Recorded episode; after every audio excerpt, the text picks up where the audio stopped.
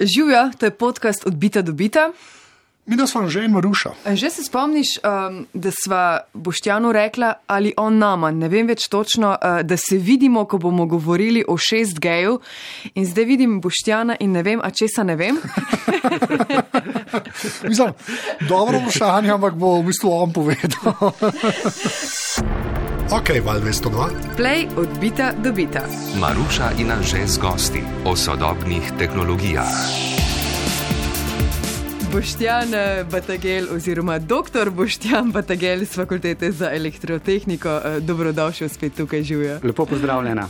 Ja, res sem tako zadnjič rekel, da v šesti sezoni se vidimo, ko bom govoril o 6G. Ampak, ja, mogoče vi tega ne čutite, ampak jaz delam na 6G. Jaz uh, razmišljam okay, okay. o tem, kako bi uporabljal svetlobne signale, metamateriale, kako bi naredil konvergenco optičnih in radijskih omrežij v šesti generaciji, analizo življenjskega cikla telekomunikacijske opreme opreme, 6G in 5G in tako dalje. Kaj pa v službi delate? ja, ja, sej, to je to, to je ta moja služba, ki je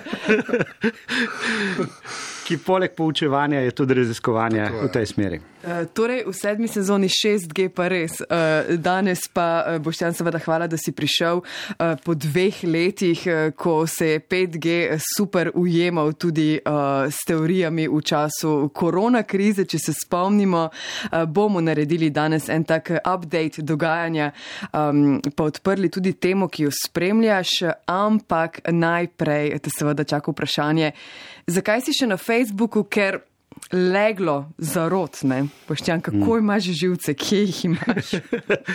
ja, to je zelo dobro vprašanje.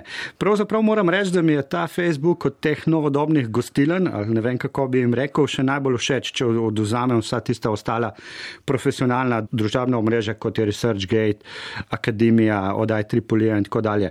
Tisto, kar mi je všeč pri Facebooku, je to, da imam dovolj prostora, da nekaj zapišem in dam tudi argumente za tista svoja prepričanja prepričanje ali kakorkoli. Moram pa reči, da sem pred dvema letoma približno naredil nekaj samomorilskega za moj privat Facebook uh, račun, ko sem ugotovil, da se širijo lažne novice uh, najbolj o 5G omrežju prav preko Facebooka, sem hashtag 5G naredil, pogledal, kdo so ljudje, ki širijo te lažne novice in jih začel vabiti za moje prijatelje.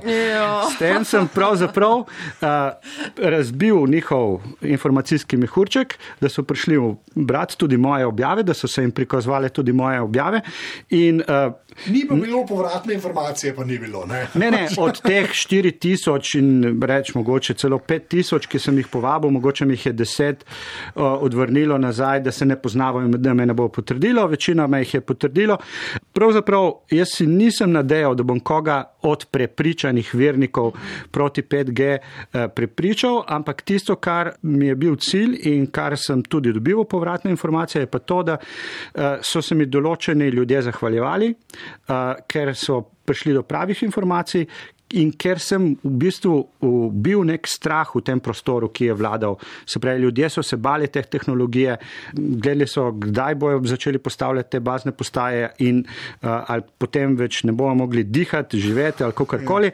In enkrat mi je eden od teh mojih. Uh, Prijateljev ali kakorkoli, ne vem, kako me je pravzaprav našel, rekel, profesor, ampak kogarkoli čudnega srečam na tem Facebooku, vidim, da ste vi njegov prijatelj. Kako, kako je to mogoče? Ne? In sem rekel, zelo kratko sem mu odgovoril nazaj. Mislim, da te prav najbolj potrebujejo učitelja ali pa cepitelja proti 5G lažem. Poklon, Boštjan. Čestitke, super eksperiment, imaš živce, evo, to je zaključek te debate v Facebooku. Gremo nekam drugam. Naša prva tema bo Starlink. Starlink je tehnologija podjetja SpaceX, ki zagotavlja pokritost z internetnim omrežjem, mislim, da v 33 državah sveta zaenkrat. Rad bi mhm. seveda bil dostopen po celem svetu, ampak Tukaj bomo malo obstali in uh, začeli z debato. Boštjan, če nekomu razlagaš, kaj je ta Starlink in kako ta tehnologija deluje in zakaj je to dobro ali slabo, kaj bi rekel? Magija. ne, nikakor ni magija, ampak kar mi je pa fascinantno pri vajni oddaji je to, da odbita dobita ne bi bila, ne se bi lotevala nekih sodobnih tehnologij in umeščanja teh tehnologij v prostor, ampak kar opažam, da se ukvarjata z najbogatejšimi zemljani. Ja, to, je, jaz, jaz, jaz rekel, to je bolj na ključje kot ne, ker je nažalost ali pa na srečo, ne vemo, ne, ima Elon Musk res nekako posod prste zraven tam, kjer hočemo in nočemo. Ampak ja. Elon- Elon Musk je bil tisti, ki je januarja 2015 pravzaprav naznanil, da bojo začeli projekt Starlink, ne, je, kjer bojo poskušali nekako preusmeriti večino realnega prometa preko satelitov in takrat je obljubil tudi skoraj da 50%, če se prav spomnim, prometa na dolge razdalje. Ne. Se pravi, Tukaj absolutno ga vsak mu lahko takoj dokaže, da je to nemogoče. Sateliti bojo kvečemo lahko prevzeli kakšen procent prometa na dolge razdalje, bojo pa najverjetneje prevzeli tisti promet, ki, eh, kjer so pomembne nizke zakasnitve. Ne? Se pravi, Starlink, če z eno besedo rečem, to je satelitsko omrežje satelitov na nizki tirnici, ki zagotavljajo končnim uporabnikom povezljivost v internet. Na dolge razdalje to so najdebelejši kabli v zgodovini človeštva, ki so pod vodo. Ne? In pač pričakovati, da bo to neka pač mobilna tehnologija, kar v resnici ne, sateliti so, je res. Tam je lagal, jaz ne vem, kako to. Ja. Ja. Jaz ne vem, sploh, kako si kdorkoli upa to To- reči. Ali se jaz ful motim, ker mene je tudi to zelo presenetilo. Ne, če, če tako na, čist na hitro pogledamo, preko nekega satelita lahko spraviš mogoče eh, neki deset gigabitov na sekundo, ne? preko podoceanskih eh, kablov pa govorimo že o petabitih na sekundo. Ja. Se pravi, tukaj so take razmerja, da ne vem, ali mu kdo svetuje, ali kako to Ali naredi. Ja, ali pa je, vse to pa vemo, da je največji umetnik, ne, kar se tiče marketinga. Se, se spomnimo, kako je cela stvar tudi potem začela, ko so začeli streljevati satelite. Ne, se pravi, te, ta prva sarža 60 satelitov, ki je prišla gor. Astronomi so dobesedno znoreli, ker so pač videli teh 60 pikic, ki potuje po nebu. Ampak jaz še zmeraj provokativno pravim, da to je bila uh, komercialna, se pravi, reklamna kampanja. Ne? Se pravi, če ti gradiš internet za podeželje, ne? zdaj kako boš spravil to novico do vsake lokalne skupnosti? A boš na oglasno desko uh, na vasi prlimov Starlink, na- naročite se? Ne, lahko na to napišeš na nebo in točno to so naredili. Se pravi, dali so 60 svetlečih satelitov in vsi, cel svet je v trenutku, v nekaj dneh se spraševal, kaj kaj so te, eh, te pikice, ki potujejo po nebu. In vsak, ki je šel pobrskati po internetu, je zvedel, da to je naslednja generacija satelitskega interneta, katerega se bojo za sorazmerno normalen denar lahko naročili tudi sami. Ko govoriš o marketingu, pa o PR-ju, um, ena aktualna stvar, eh, ob kateri se sprašujem podobno stvar, če je to zdaj dobrodošla poteza ali dober eh, PR. Uh, Ukrajina ne, se je letos razveselila uh, pomoči, eh, Starlinke uh, naj bi poslali v Ukrajino in jih uporabljali v civilne, uh, ne vojaške namene. Pred mesecem, dvema smo o tem govorili, torej dobra poteza za ljudi v stiski uh, na območjih brez interneta ali odličen PR. Eno in drugo, pravzaprav. Ne? Zdaj, seveda, Mask je to naredil za, za, malo za reklamo, po drugi strani pa moramo se zavedati, da ja, infrastruktura trenutno v Ukrajini, telekomunikacijska je na, mm. na podno. Ne? Se pravi, največji problem je pravzaprav dobava električne energije za vzdrževanje komunikacijskega omrežja. Ne? In tukaj, recimo, tak satelitski krožnik Starlink lahko omogoča povezljivost, po drugi strani je pa to lahko tudi tarča, ker izdaja svojo lokacijo s tem. Jaz sem jih to hotel reči. Tega se ne da skriti, to ni neka tenka antena, ampak dejansko satelitski krožnik, ki ga moš smeriti v nebo. Ne? Pač Tako, to- ja. ki pa še sledi, še, še premika se, da sledi satelitom, če prav razumem. Ne, to Ja, deluje. to, to sledenje je pravzaprav narejeno zelo inovativno, ne? nekaj, kar bi si v peti generaciji samo želeli. Pravzaprav je tako narejeno, da imajo eh, motorje, kjer sledijo najprej na grobo, Ja. potem, ko pa najde odprto nebo, je pa žarek, eh, mikrovalovnik, ki se premika in sledi tem satelitom. Treba se Aha, zavedati, pol- da sateliti na nizkih tirnicah zelo hitro potujejo. Ne? Z 7,5 km na, kilometra na sekundo. Ne? Se pravi, so nekje uh, samo par minut uh, na razpolago, potem pa je treba preklopiti na naslednji satelit. In to je izvedeno elektronsko. Se to, pa dajmo se sam tukaj ostati. Teh Starlinkov, se pravi teh satelitov, ne, oni pač komunicirajo in med sabo, ne, in med odjemalcem, ki je na Zemlji. Ja. In kot si rekel, 7 km, to je res hitro, ne vem, kako drugače reči. Uh, Spravo, mora biti pa tudi povezava njih. Kako ta povezava deluje? ne? Ker Zdaj, to, da se GPS pogovarja, sateliti pogovarjajo, je Ja. močna beseda, ne? to nekako razumemo. Kako se pa sateliti med sabo pogovarjajo? Ja, to je še ena taka inovativna stvar, ki pač uh, jo je SpaceX upeljal. Ne? Se pravi, pri Starlinku so medsatelitske povezave z laserskimi žarki. Tukaj je ena prednost v tem, da pač za to ni treba prositi nobenega zadovoljenja. Uh, laserske žarke, laserske žarke lahko bolj usmeriš. Ja, seveda. Um, Te sateliti tako ali tako letijo po tirnicah, ki so vnaprej določene, in povezava je z enim nazaj in enim naprej. In v primeru, da eh, sosed prvi izpade, eh, povezava lahko je tudi z predzadnjim oziroma Aha, z drugim. je, Se pravi. se pravi, to dosega, da če eden vmes vam pade, se lahko še. ja. Aha, okay. Ampak, ampak to dobesedno pomeni, da so na nebu sateliti, pa laserska mreža. Tako. Pač to je res. ne. To je- to je. ker to je kar plodna tla za domišljijo. To- Za Facebook. Za Facebook. Ja, seveda. a- a- eh, verjamem, ampak to so eh, precej inovativne stvari. ne. Eh, Treba se zavedati, da Starlink ima mogoče ne deset inovacij, ki govorijo v prid temu, da mu bo uspelo v primerjavi z prejšnjimi projekti. Ker se treba zavedati, da to ni prvi projekt to vrstni. Ne.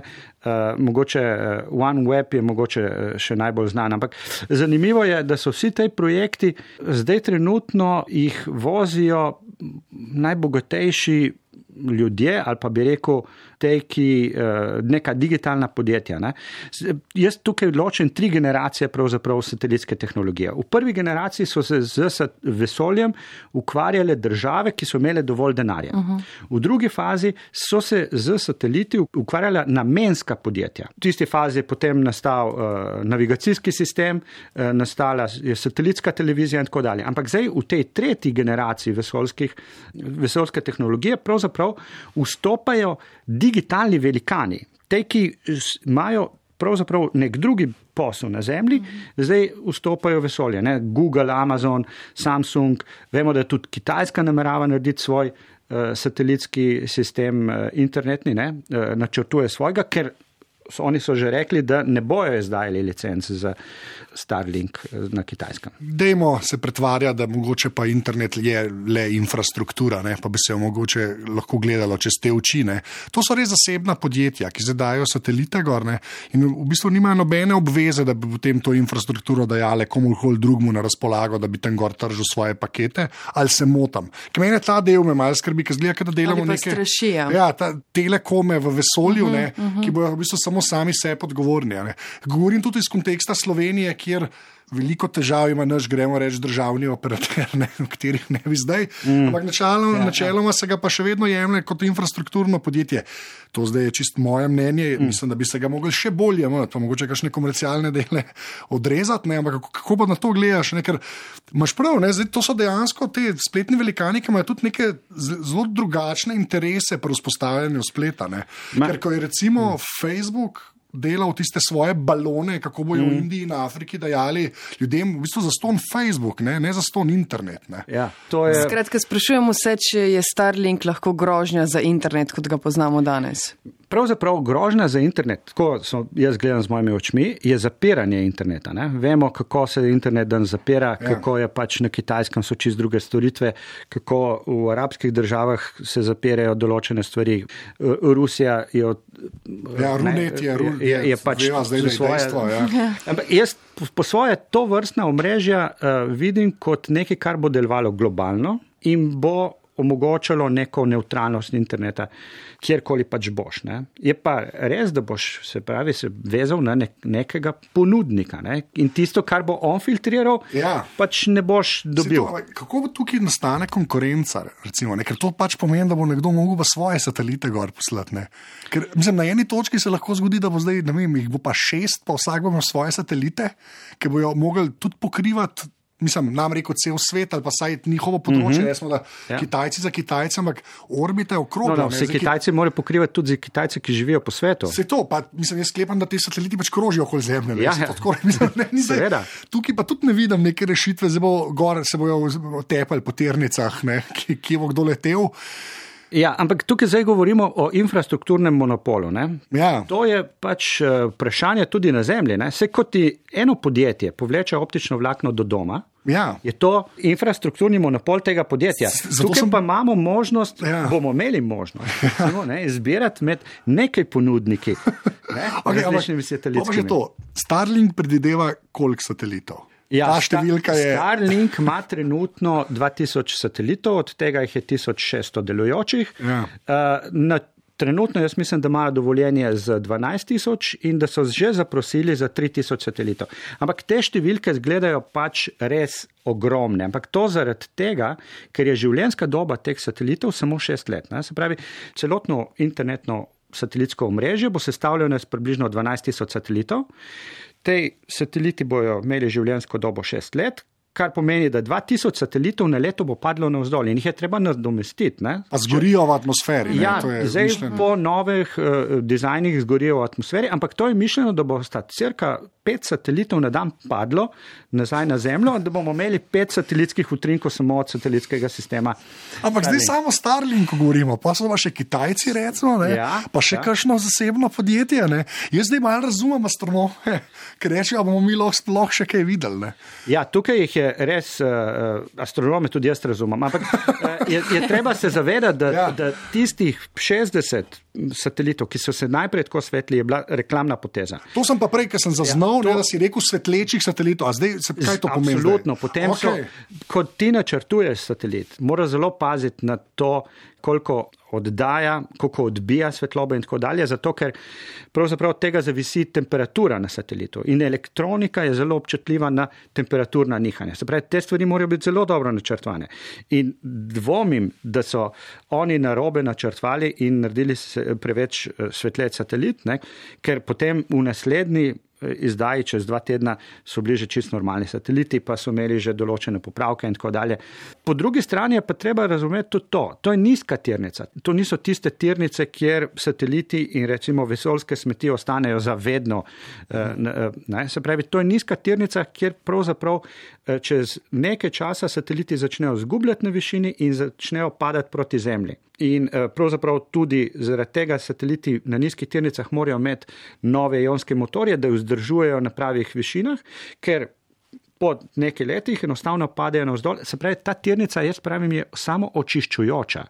Ni tako, da bi zdaj čez nekaj časa mogli Bo sa- bo ne- smeti z, krožile, z, ja. z mrežo pobirati te satelite. In, eh, Kaj pa je ionski motor, to slišiš kot neki Star Trek. Ja, sej pravim, tukaj je kar nekaj takih tehnologij, ki so uh, inovativne, ne? od teh motorjev, ki so pospeševalniki ionov in na ta način pač potiskajo uh, satelit. Meče ione ven in ga to in odriva. ga, in ga odriva in potiska naprej. Ne? Dobro, da Star Trek gledam. Že, smo že v uvodu z Boštjanom uh, rekla, ko smo se srečali, da bi se ene tri dni za fene lahko pogovarjali o Starlinku, pa en dan za, za, za ne fene oziroma za lajke.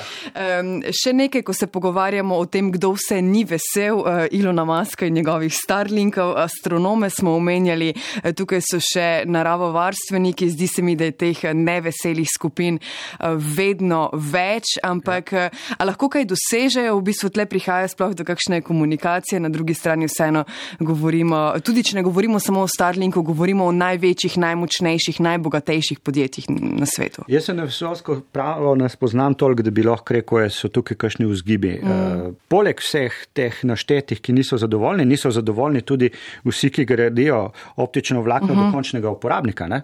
Se pravi, tukaj so investicije ogromne, uh, pričakovani tudi v končni fazi dobički, zdaj pa tukaj priš- prišla kar, kar neka konkurenca, na katero niso računali. Ne? In SpaceX uh, je dobil uh, skoraj milijardo dolarjev za to, da bo opremo 10% podeželskega področja v Ameriki. V kakšnih hitrostih se dejansko pogovarjamo? Tukaj se ne? pogovarjamo o tem, da- da bi pravi, odjemalc imel uh, v tem osnovnem paketu, uh, mislim, da je to 100 megabitov na sekundo. A downlinka, kaj, ja, pa, ja, kaj pa upload, tiskar? Ja, pa mislim, da je 20. A 20. Ampak to je osnovni paket. Razumem, ja. Dali so tudi bolj komercialni paket, ki mislim, da ima trikratne zmogljivosti. Še tole um, na koncu, ko si omenjal podeželje, tudi v Sloveniji podeželje ni vedno najboljše pokrito z internetom, zato se bo Slovenija znašla na Starlinkovem zemljevidu. Slovenija se je že znašla na Starlinkovem zemljevidu, nekaj naročnikov je že, tudi jaz sem že skoraj dal prijavo za, za svoj krožnik. Ja, tako da tukaj ni ovir. Uh -huh. Zdaj pač pri končnem uporabniku vsak se mora pač sam vprašati, ali mu je 100 evrov, ne, kar mislim, da je mesečna naročnina preveč ali mu ni, za nekoga, ki nima druge možnosti ali pa ki resno potrebuje možnosti neke redundance ob izpadu zemljskih omrežij, najbrž to ni tak strošek. strošek ja. Antena je tudi subvencionirana, jo, jo oni zelo subvencionirajo. 500 dolarjev ali 500 evrov. Jaz mislim, da je 600 zdaj ja, okay. po novem, ker so malček dvignili ceno, ker so uspešno naredili ukrajinsko reklamo. Ampak mislim, da, da inženirji ocenjujemo, da tehnologija, ki je v anteni, je vredna čez tisoč. Uh, Se pravi, ena polovica subvencionirana. Ja, absolutno polovico eh, subvencionirana. Samo 100, recimo 100, ne, ta, to je sklepan za ta, ta osnovni paket, ne, ne, komercialen. Ja. To v bistvu ni za enkrat, mislim, to je res za ljudi, ki v bistvu skoraj nimajo druge možnosti ali pa za redundanco. Ne, to ni, ni konkurenčno nekomu, ki ima recimo optiko ali pa saj ADSL prepeljan do doma. Ne. Absolutno, ni konkurenčno ja. za slovenske razmere. Ja. Cene so postavljene za ameriške razmere. Ja, ja, ja. Eh, eh, je pa tukaj še ena inovativna stvar, ki loči Eh, Starlink od ostalih satelitskih sistemov, ki jih poznamo predhodno. Ne, recimo satelitski telefon ne, je sama naprava se povezala z satelitom. Zdaj se pa poveže krožnik in vse uporabniške naprave, ki jih uporabnik ima doma, se povežejo z routerjem, ki ga ima ta krožnik. Aha, okay. Pravi, je tukaj še en mal drugačna filozofija. Ne rabimo Vsaka naprav. naprava, v bistvu je DHCP, je, DHCP je v krožniku. Je, je v krožniku oziroma zraven krožnika. Okay. Škatlica je tako. ena, potem gre pa to naprej. Ja, zanimivo. Se pravi, nek nov koncept povezljivosti je ja, tukaj. Ne? Ja, ja. ne rabimo, uporabniki ne rabijo kupovati novih naprav. Okay. Odbita, dobita. Druga tema bo, bo slavni 5G, zaradi katerega smo se spoznali pred dvema letoma. Četrta uh, epizoda 5G. um, nadaljujemo torej z mobilnimi omrežji. Rekli bomo, da, da bomo po dveh letih malo vse skupaj posodobili. Boštjan bo povedal, kaj se dogaja na tem področju, kam je izginil 5G v mojem mehurčku na Facebooku, ga namreč ni več. Ampak še prej mogoče, Boštjan, uh, povezava s prvo temo. Je kakšna povezava med 5G in Starlinkom? Praviš, da te ljudje to sprašujejo, oziroma da jih to zanima, ja, da to radi zamešajo. Ja, dejansko res tako. Ampak treba se zavedati, da tukaj ni nobene povezave, ker Starlink je tako neodvisen.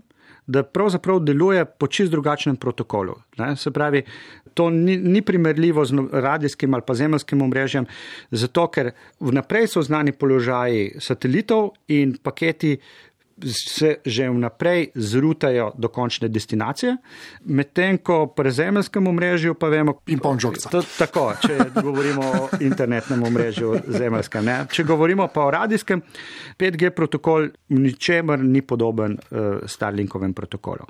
Ni nekdo dal 5G na satelite, to ne hočemo povedati. Če, če ne prav... daje idej ljudem. Čeprav tudi v znanstvenih eh, člankih eh, doskrat preberamo, da 6G pa bo na satelitih, ne, zapravi, bo to neka kombinacija satelitskega, zemeljskega in radijskega omrežja. Da... Eh, vprašanje prvo bom ponovila čez nekaj časa, torej v tisti epizodi. Ne, ko sem rekla, kam je izginila vsa ta drama, kje je zdaj 5G, je torej naša druga tema. Ampak vse to je verjetno nek normalni cikl, da se dvomi, tudi teorije umirijo, skrijejo.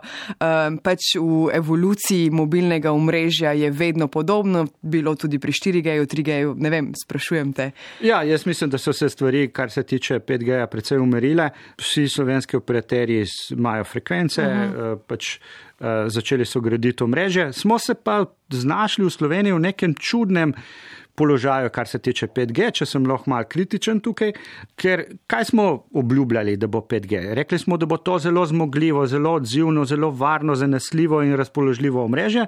In zdaj zaenkrat, kaj je ostalo od tega 5G, to je postalo samo, samo tisto bolj zmogljivo omrežje. Ne? Jaz se dotkrat pohecam, da najbolj uporabna aplikacija v omrežju 5G je speed test. To je tisto, kar laufajo ljudje in rečejo, o, glej, tak download imam, super. Ne? Ampak treba se zavedati, da tukaj ni to cilj, da bomo mi eh, v desetih sekundah dobili celo večerni film. Ne? Če se mal eh, lažnim novicam povrnem, lažna novica je tudi to, da bo 5G tako hiter, da bomo filme iz 80-ih let lahko gledali v realnem času. Ne? To ne drži, ne? to smo zamudili že 40 let, če bi hoteli gledati v realnem času. Ne? Ampak ni vse v hitrosti. Ne? Treba se zavedati, ja. da tukaj predvsem tudi zakasnitve. Tudi Starlink, njegova bistvena prednost je uh, nizke zakasnitve. In tu tukaj tudi eh, govorimo o tem, da 5G naj bi bilo bolj odzivno omrežje. Ne? Ampak mi smo trčili zdaj v eno, jaz si upam, mislim, upam, skoraj tako lahko rečem, slepo vejo razvoja eh, trenutno v Sloveniji. Zakaj? Ker gradimo 5G omrežje kot non-standalone, se pravi ne samostojno omrežje.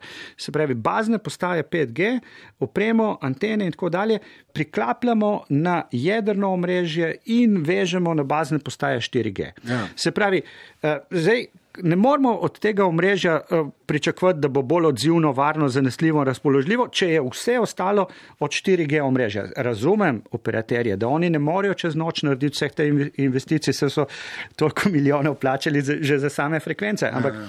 treba je začeti razmišljati o tem, da se celotno omrežje, tudi jedrni del omrežja, spremeni v 5G jedro. Ne? In potem bojo prišle tudi druge prednosti, ki jih pač pričakujemo od tega 5G omrežja. No, se, tu je si v bistvu odgovoril, to je moj naslednji vprašanje, bil, ker jaz zdaj, tudi, ki spremljam te, ki spremljajo tehnologijo, ne, so vsi zelo tako mlačni do tega, kar je zdaj 5G. Pa ne samo pri nas, ne, tudi to večino govorim za američane, saj tega jih jaz spremljam. Ne, je zelo tako, da je večina potem kar izklapla, to so ljudje, ki zelo živijo s tehnologijo, ne pač izklapla sploh 5G možnost za telefoni, ker s tem dejansko dobijo nekaj na avtonomiji. Ne.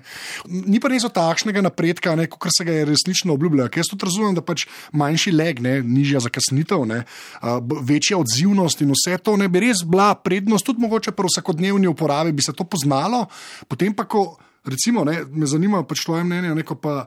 Te napredki so manjši, avtonomija ne, pa dejansko kar trpi, ne, ker pač modern pač žre baterijo. Ja, to je še zmeraj neka cokla, ampak dobro, dobro um, temo ne, uh, si zdaj odprl, zato ker jaz dam doskrat to primerjavo. Ne. Vzamemo neke ljubitelje starih avtomobilov, ki renovirajo te avtomobile in mu dodajo nov motor. Vse ostalo ostane enako. Ne. Zdaj, seveda, ta avtomobil bo vozil hitreje, ampak bo tudi bolj odziven, bo tudi bolj varen, zanesljiv in tako dalje. Ja, ne bo. Ne? Ne bo ja. Se pravi, vse ostalo. Osta in kaj delamo zdaj trenutno v mobilnih omrežjih? Ja, trenutno imamo motor 5G. Umestnik, ne? 4G, ja. 3G in 2G. Se pravi, seveda, baterije se nam hitreje praznejo. To so zdaj tiste stvari, ki jih bomo reševali. Jaz pravim, da nizke zakasnitve, ki jih je 5G obljubljal, ki jih obljublja, bomo reševali še nadaljnih deset let. Ja, ja, okay, da bomo okay. prišli na tiste milisekunde, ki, ja. ki jih obljublja. Pa, pa še enkrat, zdaj se pogovarjamo, to vsi, ki ste poslušali, seveda je tudi v zapiskih ne, povezava do tiste na, naše prve skupne uh mhm. -huh. epizode. Sploh še, še nekaj pogovarjamo o milimeter vaju, se pravi o tistih res astronomskih uh mhm. -huh. hitrosti. Zdaj govorimo o tem standardnem, gremo reči 5G-ju. Ja. Tako da ne, mislim, zanimivo je, meni zelo mi je zanimivo, no, ker je, je kar mal poraz, ker to ne nehno preklapljanje modema ne, iz 5G na 4G pač jemlje baterijo več, kot če, bi um, če bi bil telefon recimo, samo v 5G ali pa samo v 4G, pač v mreži. Mm. Preklopljen je to res, mislim, tako konkreten malus ne, na dolgi rok mm. za avtonomijo telefona. Ne, tako da sem zanimiv. Še nekaj drugega je, ne? če gremo na uh, milimetrske valove, rabimo tudi neposredno vidljivost skoraj. Ne? In uh, tukaj zdaj razmišljamo, da v šesti generaciji bi pravzaprav lahko to počeli z svetlobnimi žarki. Ker jih tako rabiš direktno vidljivost. E, e. Se pravi, ja, te stvari, vsekakor, treba je začeti razmišljati čim prej o tem, da se tudi uh, v Sloveniji uh, začne graditi uh, standalone, samostojno 5G omrežje, ki ni priključeno na ostalo, uh, rečemo, 4G infrastrukturo. Uh, tako kot uh, že je praksa na Kitajskem, uh, v Ameriki, tudi v Nemčiji, Severna Koreja in tako dalje. Se pravi, države, ki so že. Južna Koreja. Uh, Sam tako, ja, ta, sam, to bo pa zdaj, ker če ne, zdaj, vsi, ki ste začeli mail pisati, ne ga napisati. Južni Koreja. Južni Koreja, se pravi, če. Sploh nisem zaznala, poslušam jaja, ok, Koreja. So pa možgani, neki, neki ni bilo, ja. Hvala za tale lapsus. Ja. Odbita, dobita. Pa zdaj, ko se to omenjamo, 3G, ne, se pa Ja, saj to, pred, ja. re, nekje, ne, tudi pri nas septembra, saj pri Telekomu poslavlja. Hvala Bogu. Ja. Zakaj? Zakaj, hvala kaj Bogu? Pomeni? Ja. Tudi kaj pa obstali operaterji, to je zdaj sporočilo Ja, ja, zdaj- Telekoma Slovenije in Ja. ja. vse ostale preš- infrastrukture ja, vse počasi te, te, tudi ostali operaterji grejo v tej smeri. Uh, jaz uh, že odkar zač smo začeli govoriti v medijih o 5G, tudi vedno vprašam, kdaj bomo začeli pa stare ukinjati. Ne? Zato, ker mi nimamo zdaj starega avta z novim motorjem, mi imamo star avto, ki ima štiri motorje. Ne? Ja. In zdaj to je vsekakor rak rana trenutnih omrežij, tudi kar se tiče varnosti. Ne? Ker kako je z varnostjo? Ne? Mi, 5G protokol je bil načrtovan, da bo zelo varen in tako dalje, ampak kam smo prišli zdaj? Ne? Jaz vam lahko razkrijem, kako se čisto enostavno da prisluškovati zelo varnemu 5G uh, pogovoru. Ne?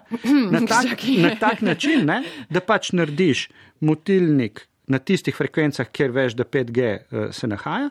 In kaj bo telefon naredil? Šuno 3G, 4G, pa 3G. Tako. Ja. In 2G je recimo šifriranje, ki je bilo razvito pred 30 leti. Uh -huh. Vsak dober študent informacijsko-komunikacijskih tehnologij zna prisluškovati temu. Se pravi, ampak a je jaz- res tako težko? A jaz prav razumem, da 2G pa načeloma ostaja, Ostaja. zaradi nekih. Uh, zaradi bolj kot ne machine to machine. Aha, se pravi, ja. okej, v redu. Tukaj bo še nekaj časa.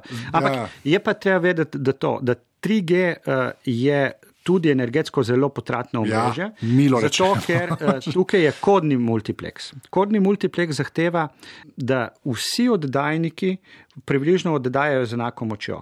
In Telefoni se morajo non-stop z bazno postajo, ko se mi premikamo, pogovarjati in usklajevati. Ja, in moč. on mora držati nivo, In to- vsi morajo nivo držati. Ja, ne, in ta ja. kodni multiplex je sicer super stvar za satelitsko navigacijo, ko imamo vse satelite približno od- enako oddaljene od nas in dobimo na, na naši navigacijski napravi ena, z enako močjo vse signale. Uh Mhm. Ampak če je pa to dinamično, kar je mobilno omrežje, in to je bila tudi ena uh, zgrešena pot razvoja, ne, ker se je kazala pač, da bo takrat super, ampak uh, dejansko danes je to neko omrežje, ki ga nihče več ne potrebuje. Okay, evo. Zanimivo, naslednjič pa 6G. Evo, Ja, obljubim, da bom do takrat eh, Zmenjeno. kaj premaknil. Kaj iz laboratorija vršlo? Kaj sava prines. Boštjan Batagele, hvala, da si prišel. Um, na koncu pa upam, da imaš kakšno priporočilo. Se res, ker smo danes mače govorili o satelitih, bi jaz predlagal neko aplikacijo za iskanje satelitov oziroma nekaj, s čimer nam pomaga, da, ker pač satelite se treba zavedati, da to jih vidimo na nebu kot neke svetle pike, še posebno, eh, če je to ob sončnem zahodu ali pa vzhodu. Ne? In obstaja cel kup aplikacij, s katerimi lahko pač mi tudi vemo, kateri je kakšen satelit. Ne? Recimo, jaz bi tukaj predlagal aplikacijo SkyView, ki nas dobesedno prelevi v poznavalce neba, naravnih in umetnih teles. Ne? Zdaj, eh, seveda, tukaj pa lahko ločimo med planeti, zvezdami in tako dalje. Tisto, kar pa mogoče enemu čist navadnemu uporabniku, eh, tale SkyView pomaga, ne? zdaj bojo počasi uh, počitnice, pa čas kampiranja in tako dalje.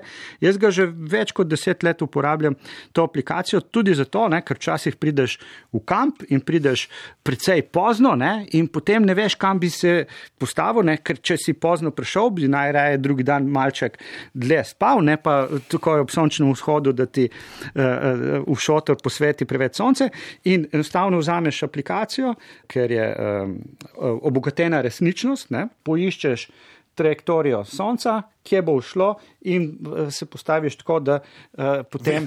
Uh, Šotor postaviš tam, kjer hočeš. v resnici. tako, Če niso vsi pred tabo razmišljali enako kot ti, ne? Ja, zdaj sem In izdal in zdaj- zdaj, zdaj ne bom več imel senčnega prostora. Naslednjič Zvečer v kampu 26 ljudi sta.